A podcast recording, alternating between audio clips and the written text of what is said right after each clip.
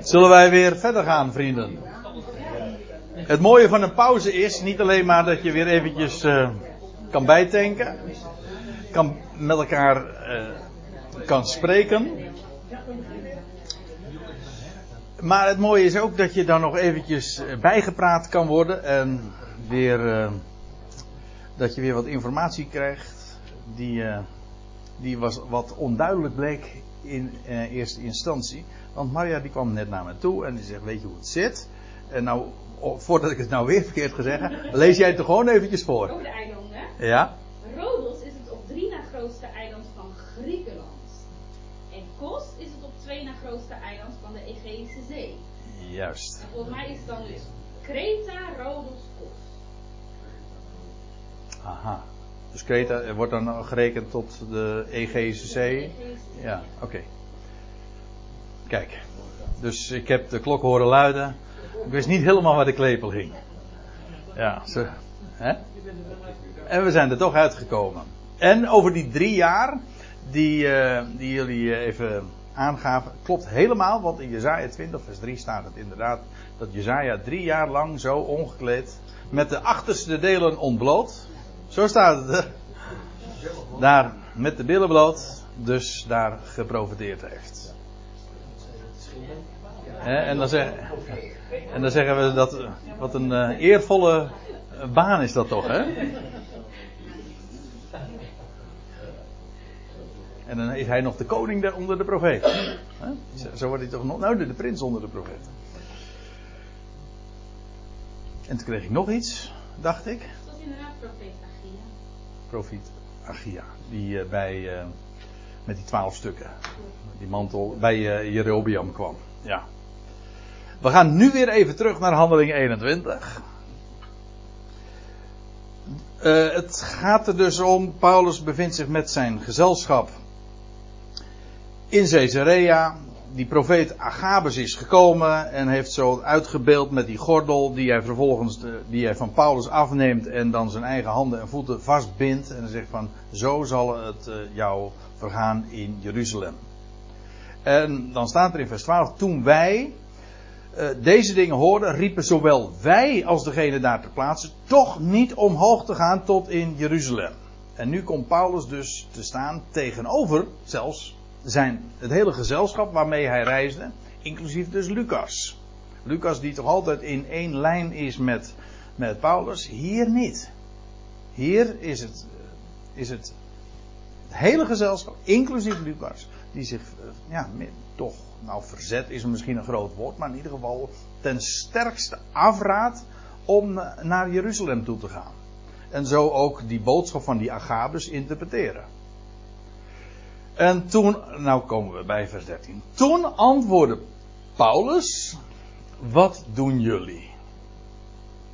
Huilende. Ja, want de tranen stonden in hun ogen. Kun je je voorstellen? Dat ze nu in, op, zij opnieuw nu, eerst in Tyrus, nu uh, hier, ter plaatse in Caesarea, worden ze zo duidelijk op het hart gebonden wat daar in Jeruzalem gaat gebeuren. En, en zij hebben dat als een waarschuwing opgevat. En de tranen hebben in hun ogen gestaan. Want dat staat er. Wat doen jullie? Huilende. En het hart voor mij zenuwachtig makende. Of in de MBG-vertaling staat weekmakend. Ja, kun je je voorstellen? Dat Paulus nu zelfs zijn eigen, dat, heel, dat reisgezelschap. Al die mannen, die, zeggen, die staan nu tegenover hem. En hij is de enige die zegt van, we moeten gaan naar Jeruzalem.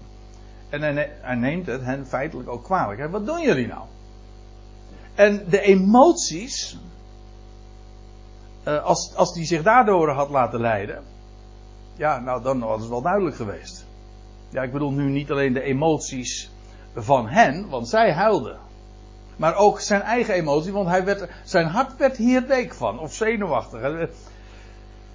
Wat moet je dan nog? Als je beste vrienden, met wie hij zo intensief nu ook uh, omging, met wie hij zo op één lijn ook zat, die hen nu dit allemaal stuk voor stuk unaniem afraden om te doen en niet alleen maar als een rationeel advies, maar gewoon met zoveel emotie. Want dat is nogal wat. En, maar Paulus, ja, het is een retorische vraag. Wat doen jullie? Huilende. En dat hart voor mij zenuwachtig maakt. En dan zie je wat voor man Paulus is geweest. En hoezeer hij ook op de hoogte was en daar ook bij bleef. En zojuist zei Aard dat nog in de pauze tegen me. En dat, dat lijkt me heel terecht. Uh, dit is ook een beproeving voor Paulus. Paulus wist al dat, wat er zou gaan gebeuren in Jeruzalem. Dat wist hij al veel eerder. Het werd hem iedere keer betuigd. En nu, en nu het, wordt hem, het vuur wordt hem steeds meer aan de schenen gelegd. Doordat nu zelfs het, de inner circle, zeg maar, van de mensen die om hem heen staan, met wie hij notabene zelfs op reis was naar Jeruzalem, die het hem nu ook gaan afraden. Onder tranen en met zoveel hartstochtelijk pleidooi. Dat is een beproeving geweest. En Paulus houdt voet bij stuk. Hij wist het. Hij bevestigt inderdaad dat dit gaat gebeuren. Hij ontkent niet van, ah, valt wel mee daar in. Nee, dat, hij wist dat al lang. Alleen, het wordt hem steeds moeilijker gemaakt. Waarom zou die, want je zou je die vraag kunnen stellen. En daarom, inderdaad, het lijkt me zeer terecht om hier te denken aan een beproeving. Dit was geen mededeling voor Paulus, zo van dat, om hem op de hoogte te stellen. Waarom moest die Agabus nu naar Caesarea toe komen? Hij wist dit al lang. Maar het, het, het is net alsof het Paulus nog moeilijker gemaakt moest worden om inderdaad naar Jeruzalem te gaan.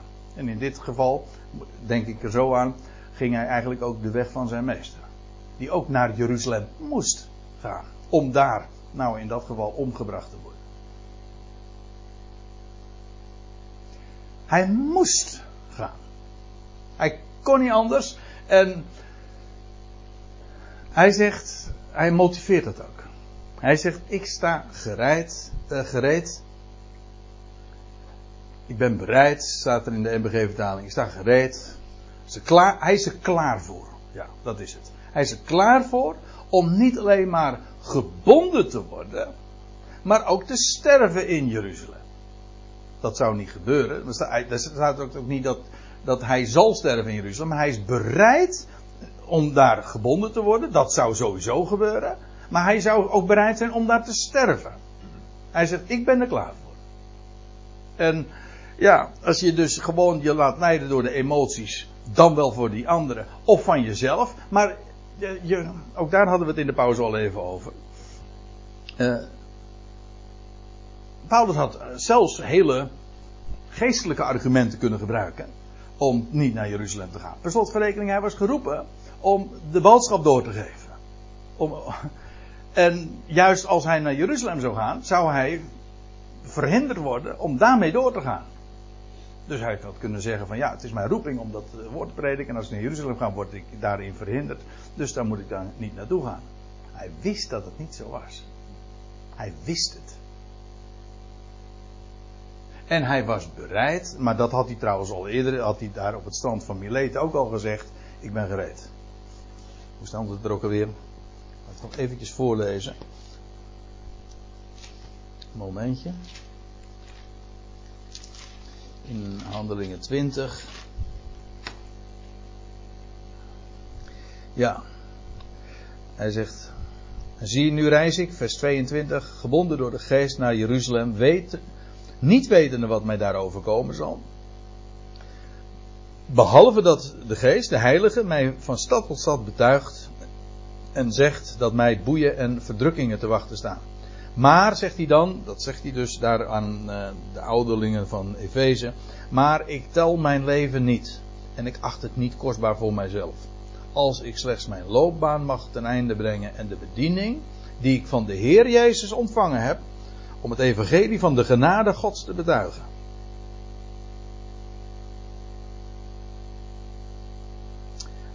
Zijn eigen leven was niet kostbaar in zijn ogen. Het ging hem peur om de weg te gaan die eh, de Heer voor hem in petto had. En wat dat hem ook zou kosten. Gebonden te worden, maar zelfs te sterven in Jeruzalem. Hij was daar klaar voor. Allemaal ten behoeve van de naam van de Heer Jezus.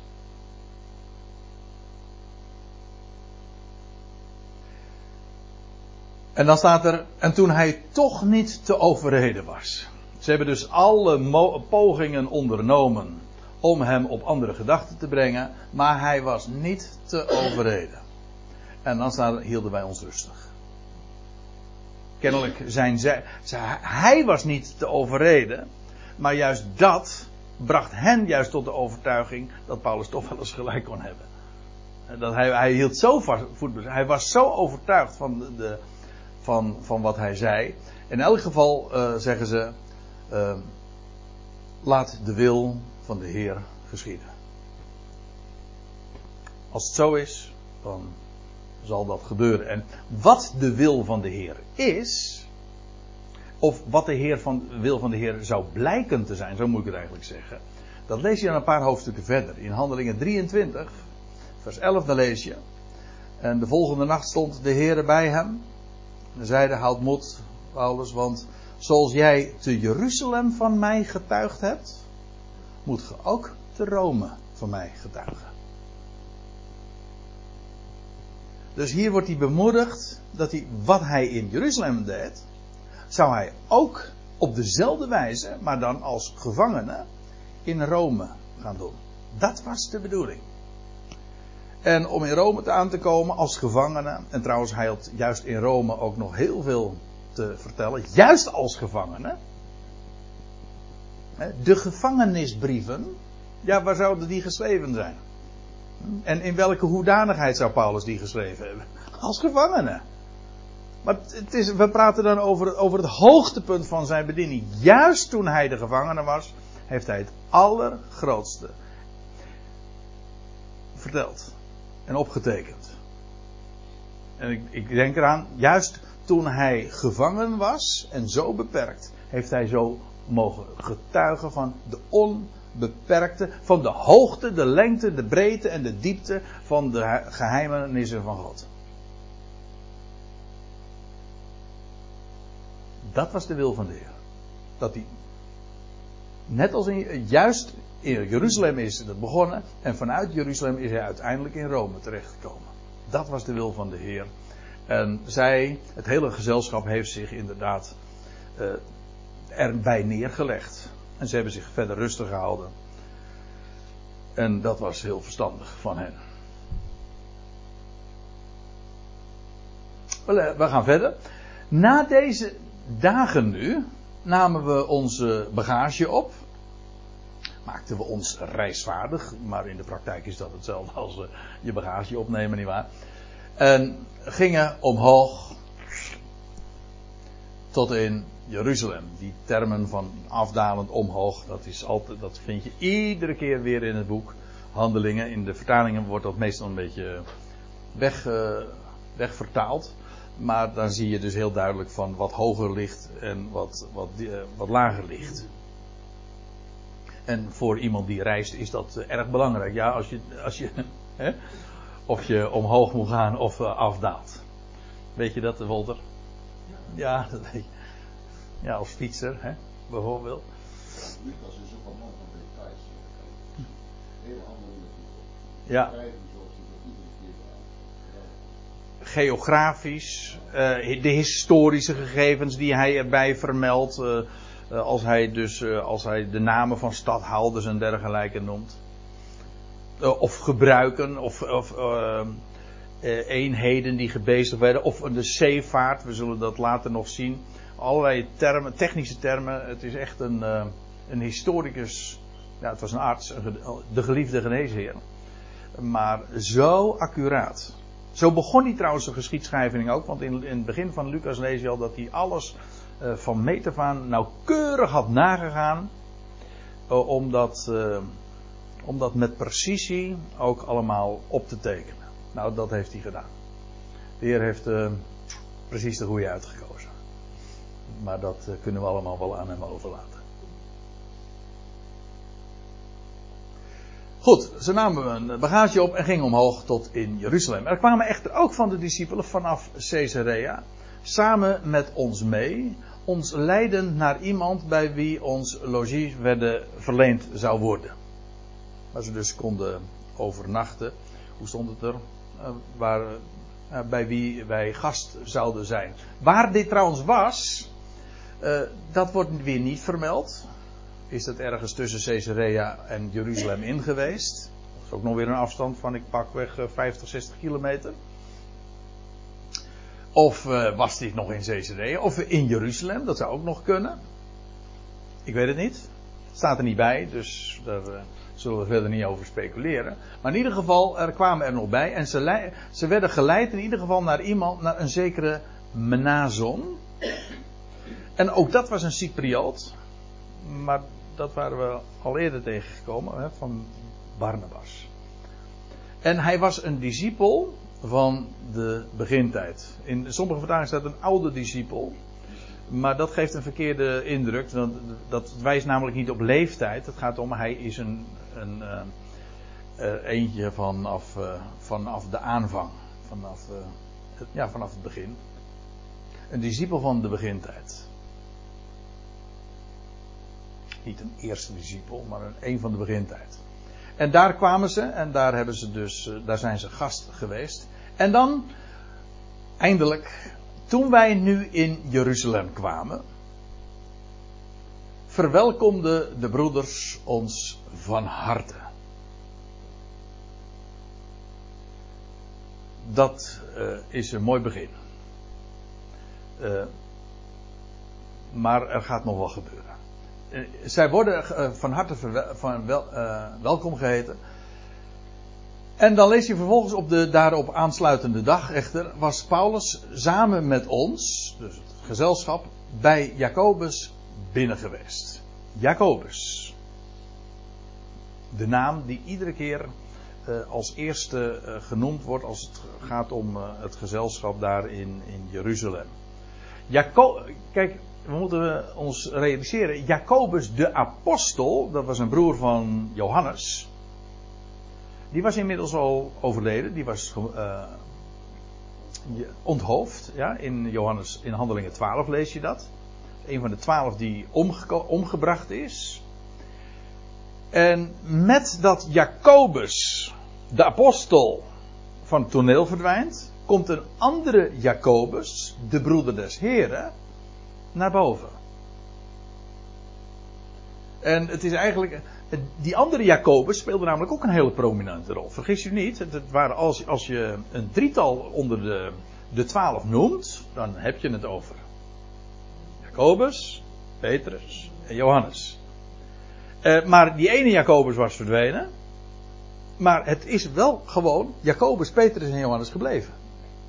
Alleen een andere Jacobus. Maar die naam is ook alweer zoveelzeggend. Want Jacobus is natuurlijk gewoon de Griekse vorm van Jacob. De representant van Israël. Maar eigenlijk moet ik het nog anders zeggen. Het is een representant ook die een, van een ongelovig Israël. Want dat is waar de naam Jacob toch vooral naar verwijst. Jacob moet Israël worden, dat wordt hij ook wel. Maar in deze situatie, eh, in het hele boek Handelingen, is alleen de naam Jacob als representant daar in Jeruzalem, als de woordvoerder. Feitelijk had Jacob, Jacobus die functie ook. We hebben veel eerder al in onze, deze serie hebben we het over handelingen, 5, uh, over handelingen 15 gehad, die beroemde vergadering. En uiteindelijk is het Jacob, deze Jacobus, die dan de conclusies trekt. En waar het hele gezelschap, van de apostelen, inclusief Paulus trouwens, uh, zijn instemming mee geeft. Maar het is Jacob die dan de, de knoop doorraakt. Daar komt het op neer. En hij was, zo lezen we in. Uh, Paulus had hem al veel eerder ontmoet. Uh, in Jeruzalem. En dan noemt hij hem in gelaten 1 ook de broeder des Heren. De broeder van de Heer. Hij was dus een lijfelijke broer van Jezus. Een halfbroer dus feitelijk. Dezelfde moeder, Maria, niet dezelfde vader uiteraard.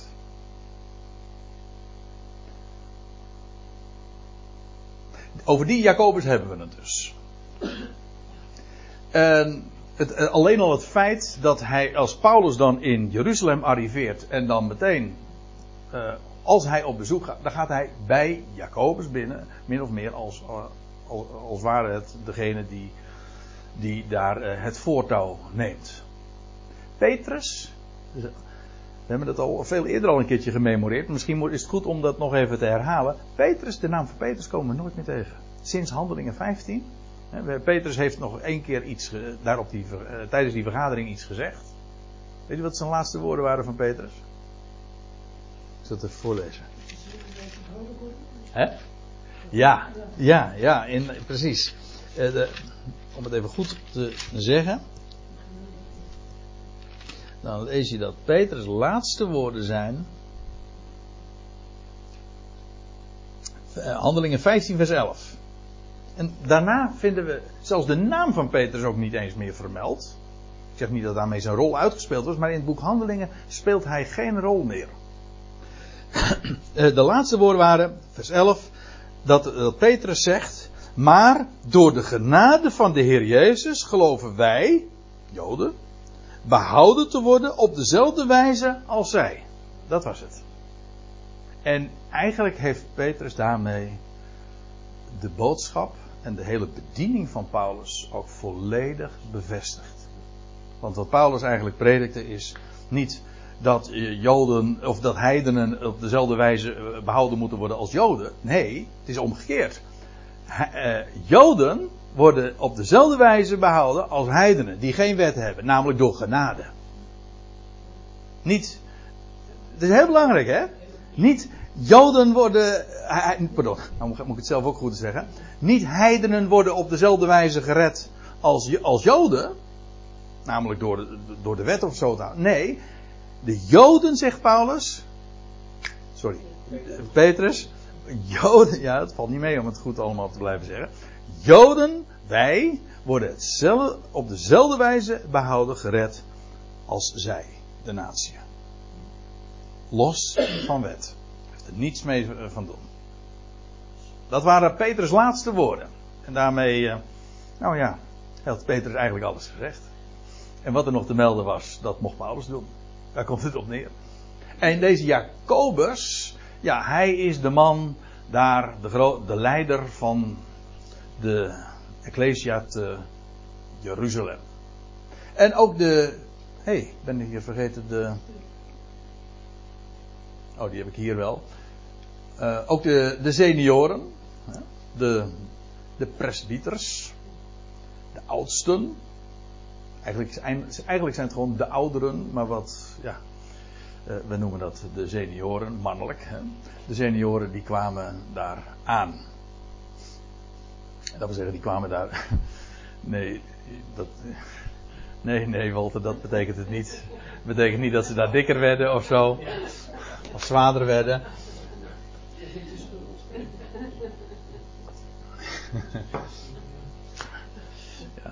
Soms is het wel jammer als, je als alles dubbelzinnig opvat. Ze kwamen daaraan, ze arriveerden daar en net zo. Zo, de Bijbelstudie is toch echt bijna voorbij hoor. Hm? Die waren in het buitenland. Ja, ja. Peter schrijft later dat hij vanuit Babylon. Ja. Nee. Ja. Ja. Ja, in ieder geval. Die naam ook niet meer terug, hè? Nee, je vindt er, nee, dat klopt. Het was een driemanschap die in de feite eigenlijk ja. Ja, maar, maar hun namen worden inderdaad niet meer vermeld. En inderdaad, de brief uh, die Peter schreef, dat was vanuit Babylon. Waarvan men dan zegt, ja, dat is Rome. Maar goed. Eh, maar, maar, dat doet even dan niet de zaken. In ieder geval bevond hij zich dan in het buitenland. En het loutere feit dat zijn naam helemaal niet meer tegenkomt, gewoon als je puur historisch bekijkt, is dat heel begrijpelijk om daaraan te denken dat hij inderdaad elders vertoefde. In ieder geval, Paulus die gaat meteen, als hij daar gearriveerd is in Jeruzalem, de volgende dag naar Jacobus. Met het hele gezelschap waarmee hij gereisd was. En we, hebben al veel eerder natuurlijk vastgesteld dat hij, hij ook daar een, een, een, heel, een, een groot offergave had af te dragen. Waar hij zich enorm voor heeft ingezet. Dat was ook onderdeel van de afspraak dat hij, Handelingen 2 vers, pardon, Galaten 2 vers 9. Dat hij zich zou inzetten om zich vooral ook om de armen daar van Jeruzalem en van Judea te bekommeren. Hem was het evangelie van de voorhuid toevertrouwd, maar dat zou hij doen. Eigenlijk ook, ook weer zo, ja, als je het mij vraagt, zo typologisch. Dat de rijkdom van de natieën nu juist naar Israël toe gaat. Naar de Joden, die arm waren. Waar hongersnood was, ook weet u wel. Ja. En terwijl hij hen, hij, Paulus, hen, dat gezelschap daar dus in, uh, bij Jacobus in huis begroette, ontvouwde hij één voor één wat de God doet, de God doet onder de natieën. Hoe dan? Wel door de bediening van hem, Paulus. Dat ging Paulus daar vertellen. Eigenlijk is dat wat hij hier meteen doet, op het moment dat hij in Jeruzalem arriveert, en dat zien we ook, als, eh, dat zagen we al eerder in Handelingen 15, dan is dat hij getuigenis af, aflegt van wat de God, de ene God, doet onder de natieën. Terwijl het volk daar, eh, zeker officieel, ik bedoel de leiders, eh, afwezen eh, van, van, van het volk Israël. Wel, de God is actief onder de natie. En dat is ook, Paulus kon daar getuigenis van afleggen. Namelijk dat het God was die dat deed. Niet alleen maar omdat hij kon persoonlijk getuigen van ja, de Heer heeft mij geroepen. Nee, God had dat ook bevestigd, de wonderen en tekenen. Dus hij kon dat inderdaad aan Israël vertellen van God heeft mij, de God heeft mij geroepen, ik ben een apostel. En, en dat kon hij ook zo als getuigenis, met bewijs bedoel ik ook, kon hij dat zo um, onder hen, uh, kon hij vertellen en hen daar ook van, uh, van overtuigen. Wat de God doet onder de natieën door de bediening van hem. En ja, dat is ook, en dat is ook precies, misschien mag, mag ik er toch eventjes op wijzen, dat is ook precies de reden waarom we zo, als we schriftstudie doen, uh, zo Paulus georiënteerd zijn. Niet omdat de rest niet interessant is. Heel die schrift is van Gods wegen aan ons gegeven. Jawel, maar het is Gods werk onder de natieën. Dat gebeurt allemaal via Paulus. Via zijn arbeid en het woord wat hij heeft mogen doorgeven. En God zij dank heeft hij dat ook uh, allemaal opgetekend. En het, uh, de brieven van het Nieuwe Testament zijn voor, de meerder, voor het merendeel allemaal van hem afkomstig. Daar moeten we wezen. Wat heeft God onder de natieën te melden? Wel, dan moet je bij de bediening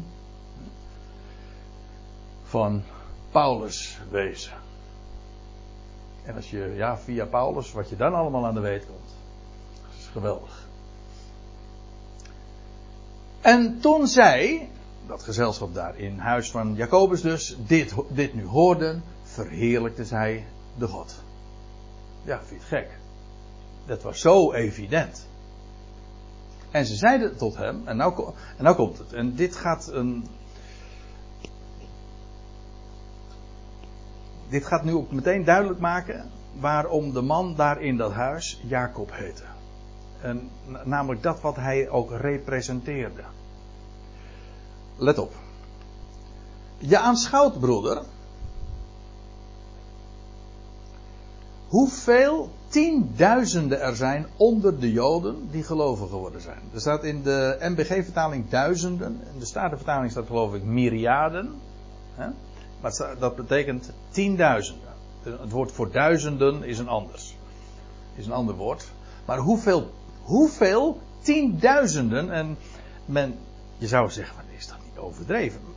Zo staat het er. Dus het waren niet 10.000, ook niet uh, uh, 20.000, hoeveel tienduizenden. Dus dat is een gigantisch gezelschap geweest, hè? vergis u niet. Van allemaal Joden, daar in Jeruzalem. En dit wordt dus tegen Paulus verteld. Het gaat hier dus niet over, over de Joden onder de natieën. Nee, het gaat over de, de Joden in het land. Met name dan in Jeruzalem wellicht. Maar in ieder geval in het land. En dat waren er 10.000 die allemaal gelovig geworden zijn. Dat wil zeggen, gelovig in de Messias. Dus wat wij dan noemen Messias, gelovig, beleidende Joden. Jezus als Messias, beleidende Joden. 10.000. Weliswaar officieel was het volk afkerig. Dat wil zeggen de leiders, de regering, het Sanhedrin. Maar dit leefde er. En dat, en dat geeft trouwens ook aan hoe krachtig het getuigenis is geweest van de twaalf. En degene die daarbij hoorden. We hebben al eerder de namen genoemd van Stefanus en Filippus. Hoe krachtig dat evangelie van het koninkrijk, want dat was aan hem vertrouwd, toevertrouwd. Hoe krachtig dat geklonken heeft. En hoe, ja, dat niet alleen. Maar ook, het was dus bevestigd met vele tekenen en wonderen. Je leest ook dat door de handen van de apostelen geschieden er vele krachten, eh, tekenen en wonderen en, en, eh, en een amas eh, kwamen tot geloof. Of dat diep gezeten heeft, dat is een andere vraag. Ja, dat is een andere vraag. Maar in ieder geval, juist die tekenen, die hadden hen daar ook van overtuigd. En nou wordt er nog iets bij vermeld. En allen, dus dat wil zeggen, al die tienduizenden, waren ijveraars van de wet. Probeer je voor te stellen. Al die Joden daar, ze geloofden de Messias. En al die Joden, gesproken over allen, ze waren ijveraars, celoten, geestdriftigen van de wet. De Torah. De gebruiken. Ah. Maar nu. Maar. Ze gaan verder, hè? Ze zeggen eerst dus dit: tienduizenden onder het volk. Gelovig en ze zijn ijveraars van de wet. Maar zij, die tienduizenden dus, die werden onderricht. Ja, er wordt in uh, NBG-vertaling, en de Staatvertaling weet ik niet, maar er wordt er gewoon gezegd van, uh, men heeft den van u verteld. Maar er wordt hier een woordje gebruikt dat we kennen, dat ken ik tenminste wel en een aantal van u kennen we dat ook. En dat is het woordje, waar ons woordje catechisatie van afgeleid is. Dat is een, eigenlijk een Grieks woord. En dat heeft ook echt te maken, als je weet wat catechisatie is, met onderricht. Hè?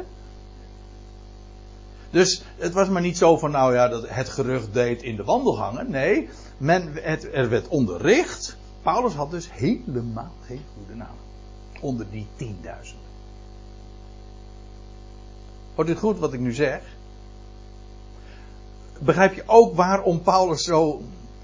Uh, het helemaal niet zo had op Jeruzalem? Hij moest naar Jeruzalem, maar niet omdat hij zo graag wilde, want hij wist hoe, hoe hij daar lag. Dat, dat, wist hij, dat wist hij donders goed. En we zullen dat later, uh, is dat nog handeling 21? Nee, vooral 22 ook. Zullen we dat ook ja, nog veel sterker bevestigd zien. Maar eerst hier. Hier wordt even verteld, daar in dat huis van Jacobus, waar Paulus dus net gearriveerd is.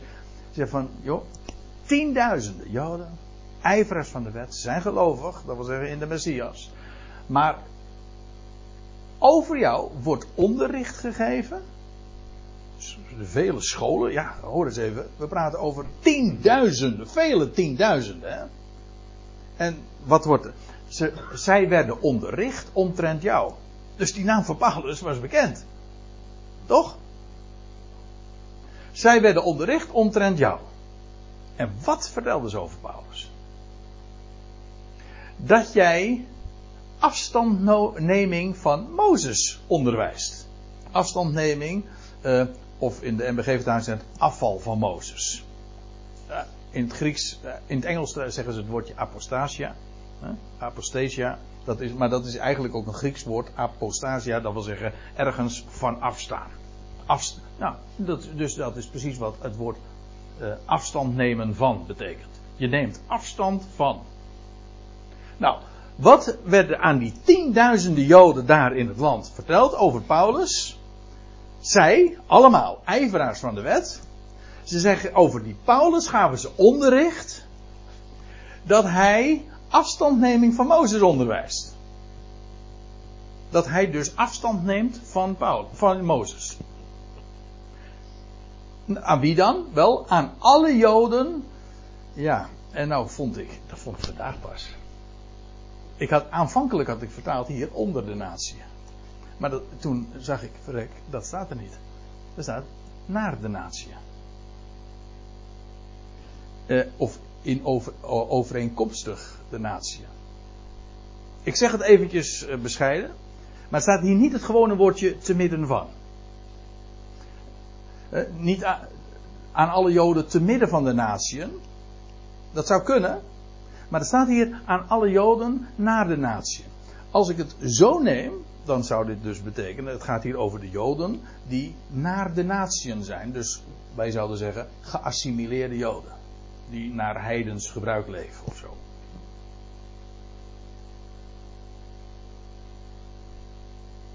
Ik, uh, ik, ik, geef het gewoon even aan. Ik, ik wil uh, daar niet te veel conclusies aan verbinden. Maar in ieder geval, dit is wat over uh, Paulus wordt onderwezen, daar onder die tienduizenden Joden. Dat je afstandopneming van Mozes onderwijst aan alle Joden na de natieën.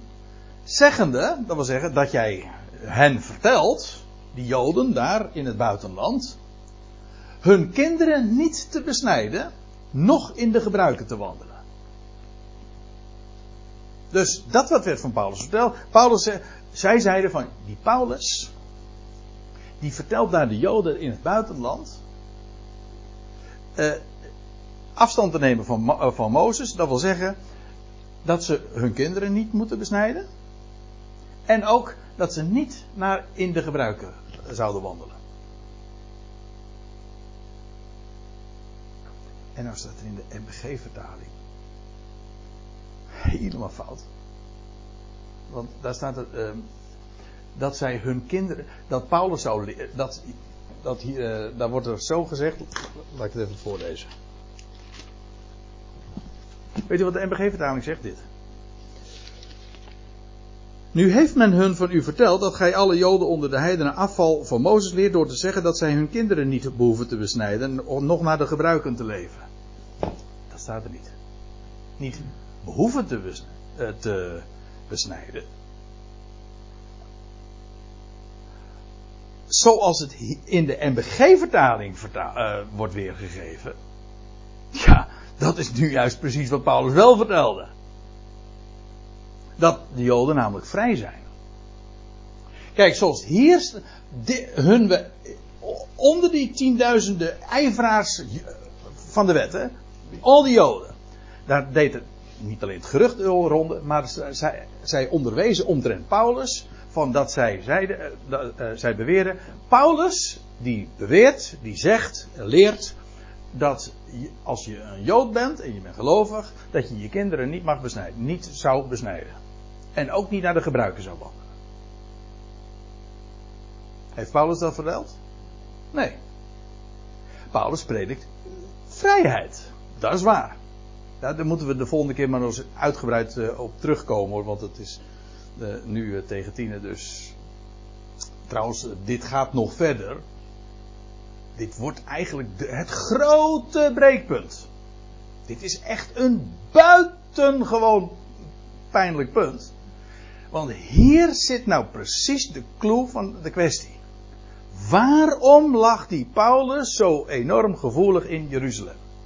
Nou, vanwege dit. Dat wordt verteld. Is, het is buitengewoon belangrijk dat je ook goed in de gaten hebt en scherp ziet. Wat vertelden ze nou? En de wijze waarop de MBG weer, het weergeeft, slaat de plank compleet mis. Handelingen 21 vers 21, dat is een heel cruciaal vers in, de, in het hele, uh, niet, niet alleen in dit hoofdstuk, maar zelfs in de hele uitleg van, van het boek. Het is een sleutelvers. Paulus predikte vrijheid, maar Paulus predikte niet dat Joden dat niet mochten doen. Dat is een heel groot verschil. Dat ze het niet behoeven te doen. De gelaten brief schrijft erover, ja. Schrijft hij dus zegt, kijk, jullie, kunnen je laten verminken. Als je niet. Ja, precies. Ja. Ja. ja, en dat is ook de essentie feitelijk van het nieuwe verbond, de vrijheid. Maar de, deze bewering, wat zij over Paulus beweerden, was niet waar. En dat gaat Paulus ook demonstreren. Maar je moet wel de beschuldiging de, even heel scherp stellen. We komen daar de volgende keer op terug. Want ik vind het buitengewoon belangrijk om dit even, om dit uh, nog wat, ook vanuit Paulus' eigen brieven, te laten zien. Wat vertelde hij nu? Even, door gewoon Paulus zelf aan het woord te laten. Wat vertelde hij nu? Klopt dit, deze bewering of niet? Nou, we zullen zien. Het was niet waar. Maar dan moet je wel eerst heel goed in de gaten hebben wat nu over Paulus beweerd wordt. Maar één ding moet toch wel inmiddels duidelijk zijn. En ik stel voor dat we daarmee afsluiten. Paulus' bezoek in Jeruzalem brengt heel veel aan het licht. Aan de ene kant hoe daar gedacht werd in, in Israël, maar ook hoe uh, Paulus' positie zo uitzonderlijk was. En hoe Paulus uh, zeer omstreden was onder de al die tienduizenden christenen, Messias beleidende Joden. Zeer omstreden. En hier wordt dat allemaal in een, een, één zin zo weergegeven. Dit is de kwestie. Dit is de clue. En dat eh, gaat nog een grote gevolgen hebben. Waarover later meer bij leven en welzijn. Moeten we erbij zeggen. Dat lijkt me een understatement. Hè? Dat zal dan over drie weken zijn. Ik stel voor dat we met elkaar onze Hemelse Vader zullen danken. Machtige God en Vader, we danken u dat we zo met elkaar ook vanavond, deze eerste Bijbelavond van het uh, nieuwe jaar, bij elkaar mochten zijn en de schriften mochten openen. Ons mochten bezighouden met dat wat staat geschreven. En we danken u dat uw woord zo zo rijk gevuld is. Dat het zo ge, geweldige perspectieven opent. En dat het solide is. Dat we werkelijk vaste grond onder de voeten daarin hebben. We de God mogen kennen. Die ene. Een werkelijk goed bericht. Ons oor te luisteren mogen leggen bij, bij die apostel die u hebt gegeven. Speciaal als afgevaardigde en leermeester van de natie. En wat een geweldige rijkdom komt daarin tot ons. We danken u, Heer, dat we diezelfde vastberadenheid als Paulus destijds in het leven mogen staan. Vaststaand in het woord. Ons niet laten leiden door emoties van onszelf of van anderen, maar wat staat er geschreven. En dat houdt stand. Alle vlees is als gras, maar het woord van onze God, dat houdt stand tot in de aion. Dank u wel, Heer, dat we daaruit mogen leven. En zo, in dat besef, dragen we elkaar ook bij u op. En we danken u dat u machtig bent om ons vast te stellen. En om overvloedig ook uw werk in en door ons te doen. In de naam van uw Zoon, Christus Jezus. Amen.